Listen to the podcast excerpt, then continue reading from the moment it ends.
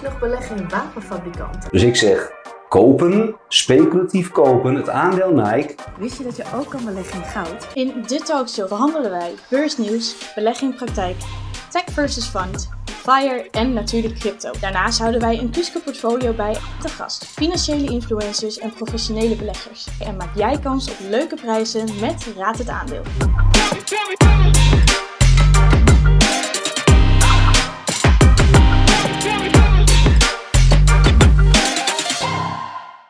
Een beursnieuwsupdate van week 11. Edgar de Haas van Tradingstrategie analyseert het aandeel Nike. Ik leg je uit hoe je kan beleggen in goud. Daarnaast maak jij kans op een overnachting in The Arcade Hotel in Amsterdam bij Raad het Aandeel. Beursnieuws. Het is inmiddels alweer de 11e week van 2022 en ook nu heb ik weer een beursnieuwsupdateje voor jou. Moet je nog beleggen in wapenfabrikanten? En ik ben heel erg benieuwd naar jouw mening. Want wellicht is jouw mening wel veranderd door de oorlogsdreiging. Beleggers zagen hun aandelen aanzienlijk kelderen door de oorlog in Oekraïne. De aandeelhouders in de wapensector profiteerden juist. Raytheon behaalde in 2021 een netto winst van 6,4 miljard. Tegenwoordig nemen veel beleggers de ESG-factoren mee in hun beslissingen. Analist Robert Stellert stelt: zonder fatsoenlijke defensie zou onze westerse manier van leven, die het mogelijk maakt ons bezig te houden met ESG-factoren, worden bedreigd. Het Europees Parlement gaat niet akkoord met het beperken van het minen van bitcoins. Carlsberg schrapt zijn 7% winstverwachting vanwege de negatieve impact van de oorlog in Oekraïne. En als laatste, China is in de mineur. Biden verbiedt producten, de SEC die dreigt met vertrek van Wall Street en het coronavirus zorgt voor paniek. Tech versus fund. Goedemiddag allemaal, mijn naam is Edgar de Haas van Trading Strategie. Vandaag ga ik het met u hebben over het aandeel Nike. Of zoals in de Verenigde Staten zo mooi zeggen, Nike. U kent het wel met de prachtige sportschoenen, eh, de Air Jordans, die als warme broodjes over de toonbank gaan. Maar wat zien we nou in het aandeel Nike?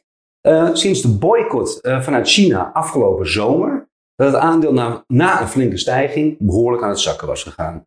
Nou, we zagen nog een korte, korte opleving, van ongeveer het niveau 175, 180 dollar. Maar belangrijker, in de afgelopen vier maanden zien we dat het aandeel behoorlijk hard zakt. Zelfs zo'n 33% naar het niveau van 120 dollar. En 120 dollar is een hele belangrijke steun. Dus na een flinke glijvlucht staat hij dus nu precies op de steun van 120. Um, daarnaast, even technisch, zien we ook dat het aandeel ook behoorlijk oversold is. Dat betekent dat de RSI, de Relative Strength Index, die staat zo rond de 30. Dus er is heel veel aanbod geweest in de markt. Uh, een flinke uh, vlucht omlaag gedaan natuurlijk naar uh, 120 dollar. Dus ik zeg kopen, speculatief kopen, het aandeel Nike.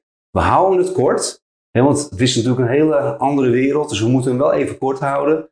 de stoploss zetten we op 110. En ik verwacht een opleving naar niveau 150. De 150 is ook weer een uh, vorige, vorige top uh, uh, geweest. En dan gaat hij ook weer terug naar een moving average, oftewel een gemiddelde koers.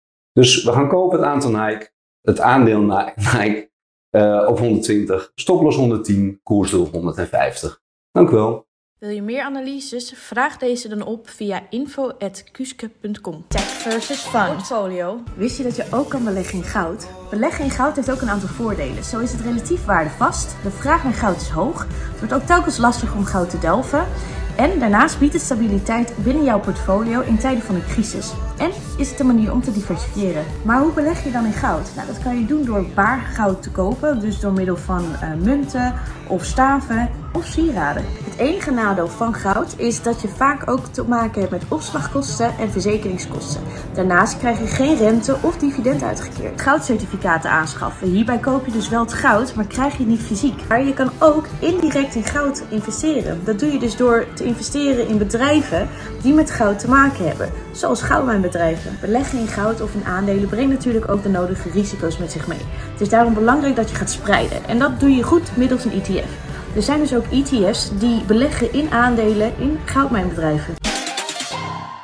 Thanks Edgar de Haas van Trading Strategie voor de duidelijke analyse van het aandeel Nike. Ook wij voegen Nike toe aan het Kuske portfolio. Volgende week in het item Fire en Crypto ga ik langs bij Brand New Day, introduceer ik een nieuwe Kuske en duiken we dieper in de wereld van crypto. Stay tuned. Kuske bedankt haar vrienden van Eck en Beurspro die de talkshow mede mogelijk hebben gemaakt. Adviezen zijn gegeven op persoonlijke titel en onafhankelijk van Kusco tot stand gekomen. Deze talkshow bestaat uit vier blokken. Beursnieuws, beleggen in praktijk, tech versus fund, fire en crypto. Bekijk, luister of lees de blokken via YouTube, Instagram of op de website www.kuske.com. Zoals gewoonlijk sluiten we deze show af met Raad het aandeel. Iedere maand maak jij weer kans op leuke prijzen door het aandeel te raden en in te vullen op www.kuske.com slash. Het aandeel van vorige maand werd al gauw goed geraden. Het ging hier namelijk om het aandeel Netflix. Deze maand maak jij kans op een overnachting in het Arcade Hotel te Amsterdam. Welk aandeel van het techbedrijf, bekend van het Habbo en Hideaway Hotel en sponsor van een Eredivisie voetbalclub, heeft met een omzetgroei in het vierde kwartaal van 120% ten opzichte van een jaar eerder zijn eigen groeivoorspellingen overtroffen? Weet jij het aandeel? Ga dan direct naar www.kuske.com slash raad het aandeel en maak kans op een overnachting in het Arcade Hotel in Amsterdam. Vind je het interessant? Like de post, deel het met anderen. Abonneer en volg ons op socials. Zet je notificaties aan.